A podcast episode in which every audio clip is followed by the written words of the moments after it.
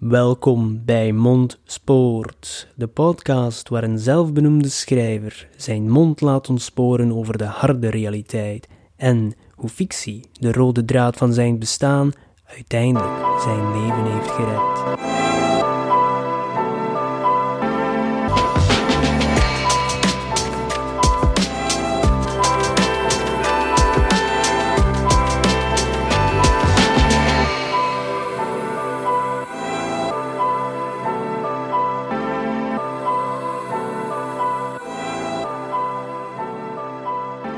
Welkom iedereen bij alweer een nieuwe aflevering van Mondspoort. Ik ben Said, jullie zelfbenoemde schrijver voor de avond. Kan ook ochtend zijn of middag. Dat is het leuke aan die podcast, dat je ze kan beluisteren wanneer je wil.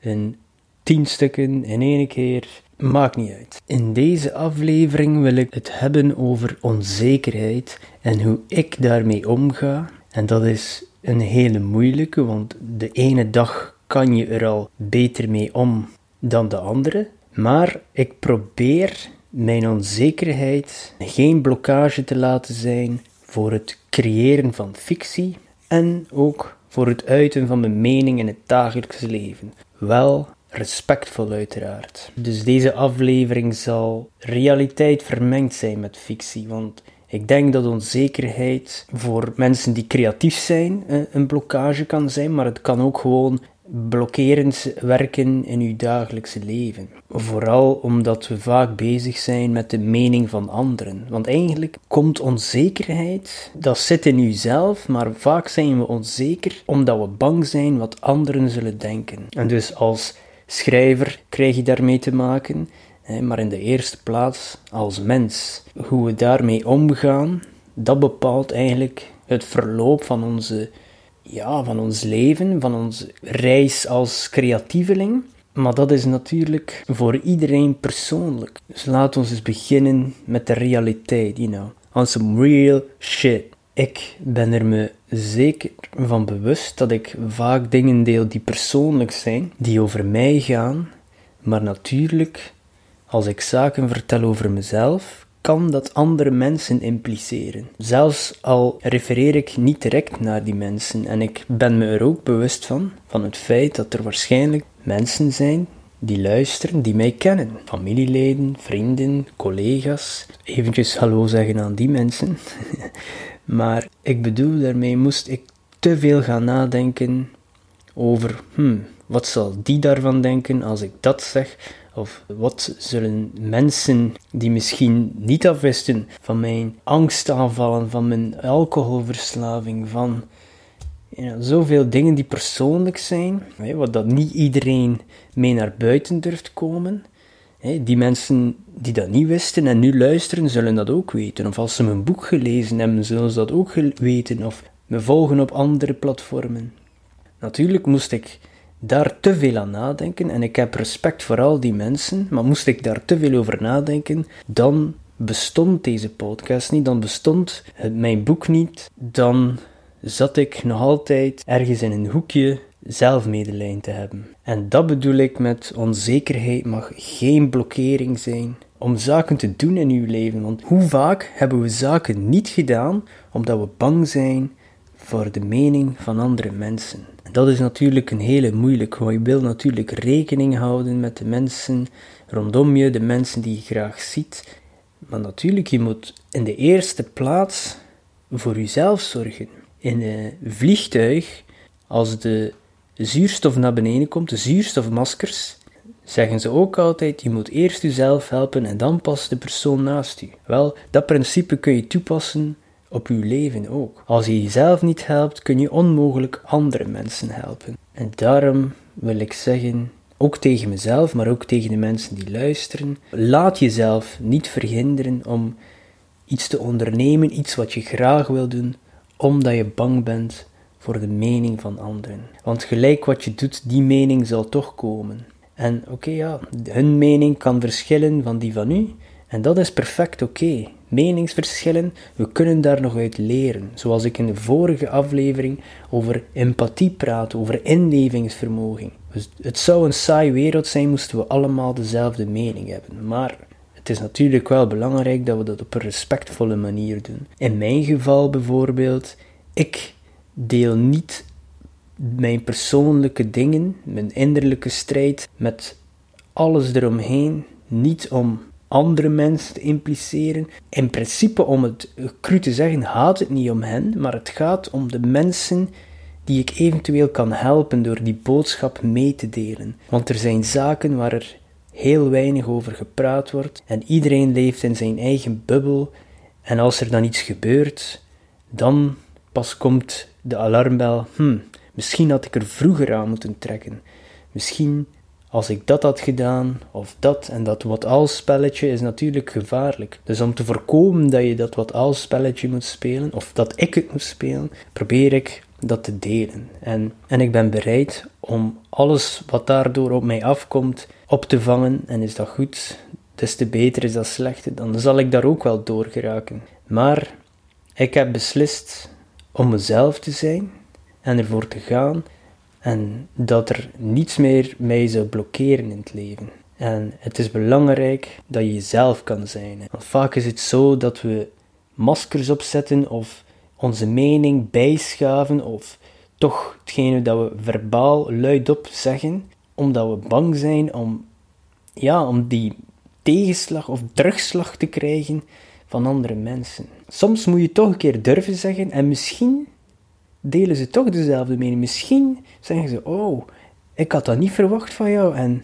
respect. Het hoeft niet altijd negatief te zijn, want vaak onze hersenen, mijn hersenen, maar mensen vaak gaan vaak focussen op het negatieve. Ik ben er ook schuldig aan en ik probeer daar aan te werken, maar dat is natuurlijk niet gemakkelijk. Dat als je tien positieve reviews ziet van een boek en je ziet die ene negatieve, dat is degene die je wakker houdt terwijl dat er wel tien mensen positieve zaken gezegd hebben. Waarom wil mijn brein dan focussen op dat negatieve? Als je iets wil doen en je doet het niet omdat je bang bent voor negatieve reacties, ja, maar voor hetzelfde geld kun je ook positieve reacties krijgen. Dat was het segment over real life shit. Ik wil gewoon nog eens samenvatten van wees uzelf. We moeten dat natuurlijk op respectvolle manier doen. En wees niet bang om te creëren of om iets te doen dat je graag wil doen, ga ervoor. En het is het moment dat je beslist om jezelf te zijn, dat is het moment dat je zal slagen en je nog eens goed voelen over jezelf ook. Dat is mijn mening. En dan natuurlijk het schrijven of andere creatieve zaken meedelen naar de buitenwereld. Daar is er ook veel onzekerheid, imposter syndrome. Ben ik wel goed genoeg? Dat kan ook allemaal blokkerend zijn. Niet alleen om iets uit te brengen, maar gewoon om hetgene te produceren wat je zelf wil. Want over kunst mag je niet compromitteren. Je moet doen wat in jou zit, want dat is hetgene dat uniek is aan jou.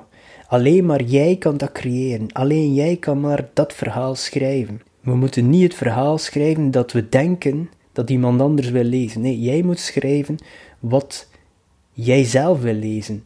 En dan moet je hopen dat er genoeg mensen zijn, of gelijkaardige mensen zijn als u, en zo vind je uw publiek. Dat is natuurlijk geen sprint, dat is een marathon. En je mag ook niet bang zijn voor negatieve recensies, want die zullen toch komen, zelfs al heb je het beste boek ooit geschreven. Er zijn mensen die Harry Potter haten. Een van de meest verkochte boekenseries, waarschijnlijk de meest verkochte in de wereld. Er zijn mensen die geen Stephen King lezen. Ook een van de populairste auteurs. Dus als uw favoriete auteurs één ster recensies krijgen, zeg maar gerust dat u er ook zal krijgen. Is dat leuk? Nee. Maar het mag u niet verhinderen om uw schrijfsels mee te delen aan de wereld. Met het internet, negativiteit is er, maar er is ook veel positiviteit. En als we dat verspreiden, dan krijg je dat ook grotendeels terug. Met mijn debuut Ontspoord had ik ook veel twijfels om dat te publiceren, omdat het hoofdpersonage Kaan had door een zware alcoholverslaving, heb daar veel van mezelf in gestopt. Dat is natuurlijk niet letter per letter hetzelfde. Het is fictie, maar die emotie, die kennis dat je daarover vergaard hebt, want uiteindelijk ben je daar ook constant mee bezig. Je zoekt daar dingen voor op, hoe je er moet uitgeraken. En al die kennis is nuttig om in dat boek te steken. Zo kunnen de lezers ook voelen dat dat onderbouwd is. Ze voelen dat het echt is. Ik denk dat die eerlijkheid geapprecieerd wordt en dat dat voelbaar is in de tekst. En als er dan één iets is waar ik heel trots op ben van mijn boek, is het wel dat aspect. Alles kan beter. Ik probeer elke dag mezelf te verbeteren als persoon en zeker als schrijver. Tuurlijk zijn er mankementen altijd. Een perfect boek, dat bestaat niet. Maar je mag ook gerust soms eens trots zijn op hetgeen wat je bereikt hebt en je moet daarvoor niemand die laten neerhalen. En als je dan natuurlijk nog eens mooie reacties krijgt, de meeste reacties zijn goed en positief en sommige mensen kunnen hunzelf in herkennen of personen die ze kennen of sommige mensen zijn volledig geaffronteerd van dat is te veel voor mij, maar dat is allemaal deel van het doel. Dat wil zeggen dat ik u iets heb laten voelen. Als je Kaan graag hebt, als je sympathie hebt voor hem, als je hem haat, als je gewoon niet kan zien waarom dat hij zulke keuzes maakt en je, je begint boos te worden op hem, dat wil zeggen dat mijn job als schrijver geslaagd is en ik heb je dingen laten voelen. Dat is het grootste compliment. Als je dat karakter graag hebt of niet, of dat personage graag hebt of niet, dat is subjectief. Iedereen is anders. Dat is iets wat ik al veel gezegd heb. Ik heb het ook niet bedacht, die Ehm, quote, en dat is: Een schrijver schrijft een verhaal, deelt het met de buitenwereld en de lezer zal vertellen waarover het gaat. En in mijn geval heb ik al vaak mensen tegengekomen of reviews tegengekomen die mijn debuut in een notendop beschrijven beter dan dat ik het zou kunnen. Bijvoorbeeld Looney Books, Steven als je luistert, shout out to you en dank je voor de steun. Die had in zijn review geschreven iets van een roman in Sin City-stijl. En inderdaad, de kloof zou kunnen een setting zijn voor een film noir-achtige ja, uh, verhaal voor een film. Ja, die invloeden zijn er wel. En dat was misschien onbewust. Maar toen dat ik dat las, dacht ik, ja, dat klopt. Hoe kan ik daar zelf niet aan gedacht hebben? En ik was zelfs al bezig met boek 2 te schrijven en daar leunde ik nog meer in die stijl. En ik zei, wauw. En ik uh, zeg, dat zal ik gebruiken voor volgende marketingcampagnes uh, natuurlijk. Eerst gecheckt met Steven. Dus als je die persoon nog niet volgt op Instagram of zijn blog niet leest, zeker eens doen. LooneyBooks79. En dan zou je denken, je hebt een boek geschreven en je krijgt positieve reacties Oké, nu heb je zelfzekerheid om de volgende te beginnen. Maar niets is minder waar, toch niet voor mijn brein en de rare kronkels die het af en toe maakt, omdat je dan, en ik heb een klein publiek, maar ik heb al een publiek, dan zijn er verwachtingen voor de volgende. Want je bent bezig met het eerste en niemand in de wereld weet dat jij een boek aan het schrijven bent. Dus Verwachtingen zijn onbestaande. Nadat ze dat boek gelezen hebben en ze vinden het goed, dat is al minimum één persoon die verwachtingen heeft voor het volgende. En ik praat dan niet over verwachtingen van zal het goed zijn of niet, dat speelt ook mee, maar de verwachtingen die ze hebben waar het verhaal naartoe gaat. Want ik heb al met veel mensen face-to-face gepraat over mijn boek. En dat is ook heel tof om, om ze te laten speculeren waar het verhaal naartoe gaat maar er is nog geen enkele persoon die het juist gezegd heeft. Dus wil dat dan zeggen, als ze het effectieve verhaal gaan lezen, gaan ze dan teleurgesteld zijn omdat hun theorie niet is uitgekomen? In principe is dat mijn schuld niet. Die persoon heeft een verhaal gecreëerd in zijn hoofd en dat kan onmogelijk mijn verhaal zijn, want zoals ik daarnet zei, alleen maar jij kan jouw verhaal schrijven. Niemand anders kan dat schrijven. Verwachtingen is een heel raar beest. En dat, ingerekend met onzekerheid, dat kan een moordenaar zijn van creativiteit. Zoals ik zei, niet iedereen houdt van Harry Potter of Stephen King. Je kan gewoon geen boek voor iedereen schrijven. Dus als je dat al weet, dat geldt niet alleen bij het schrijven, maar ook bij andere zaken die je gaat creëren en naar de buitenwereld uh, meedeelt.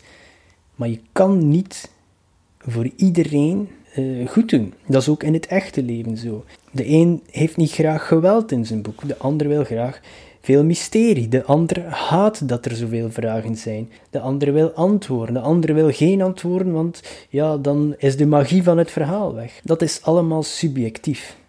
Keer ik terug naar creëer wat je zelf graag zou zien. Schrijf het boek dat je zelf graag zou willen lezen. En ik denk dat je dan echt wel op de goede weg bent om, om iets moois te maken, want dat is hetgene die het uniek maakt.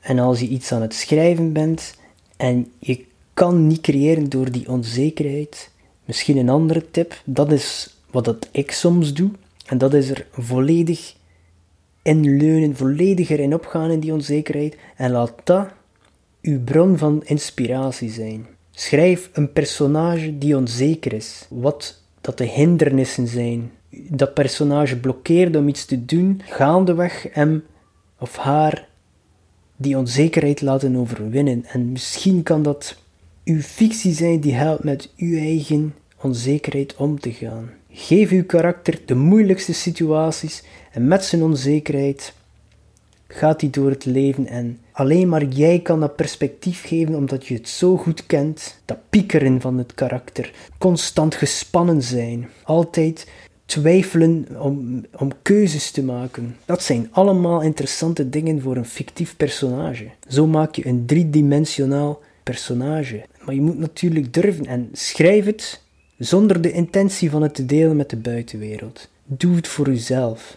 En misschien gaandeweg ga je iets vinden, ga je zelfzekerheid vinden, zelfvertrouwen, kan je daar kracht uit putten. En misschien kan je dan toch delen met de wereld, want je weet nooit wie je ermee kan helpen. Er kan daar één iemand zijn die daarover leest en herkent en dan zelf kracht vindt om verder te gaan met zijn hindernissenparcours en gewoon crushen en de beste tijd halen ooit en achter je kijken, nog één keer en dan nooit meer achterom kijken, maar gewoon vooruit gaan.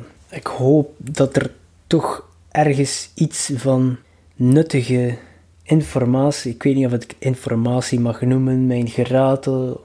Misschien kon je horen dat dat toch een onderwerp is die bij mij ook soms wringt en dat ik wel met passie hierover kan spreken. En ik heb het ook niet allemaal uitgedokterd. Dat is een constant evoluerend proces, maar we mogen ons niet laten blokkeren door die onzekerheid. En het is natuurlijk makkelijker gezegd dan gedaan. Ik ben geen dokter, ik ben geen psycholoog, ik ga hier ook geen onderliggende problemen oplossen, maar als ik je gewoon al kan meedelen dat je niet alleen bent en dat je niet mag inzitten of niet te veel mag inzitten met een ander zijn mening, want soms denk je dat alle ogen gericht zijn op je en denk je dat die mensen daarmee bezig zijn met hetgeen wat jij doet, maar eigenlijk zijn zij gewoon ook bezig met hun eigen ding. Iedereen is bezig met zijn eigen ding en allemaal met hun eigen onzekerheid. Soms denk je van die heeft veel zelfvertrouwen, maar de meeste mensen hebben allemaal een vorm ervan, de ene meer dan de andere en de andere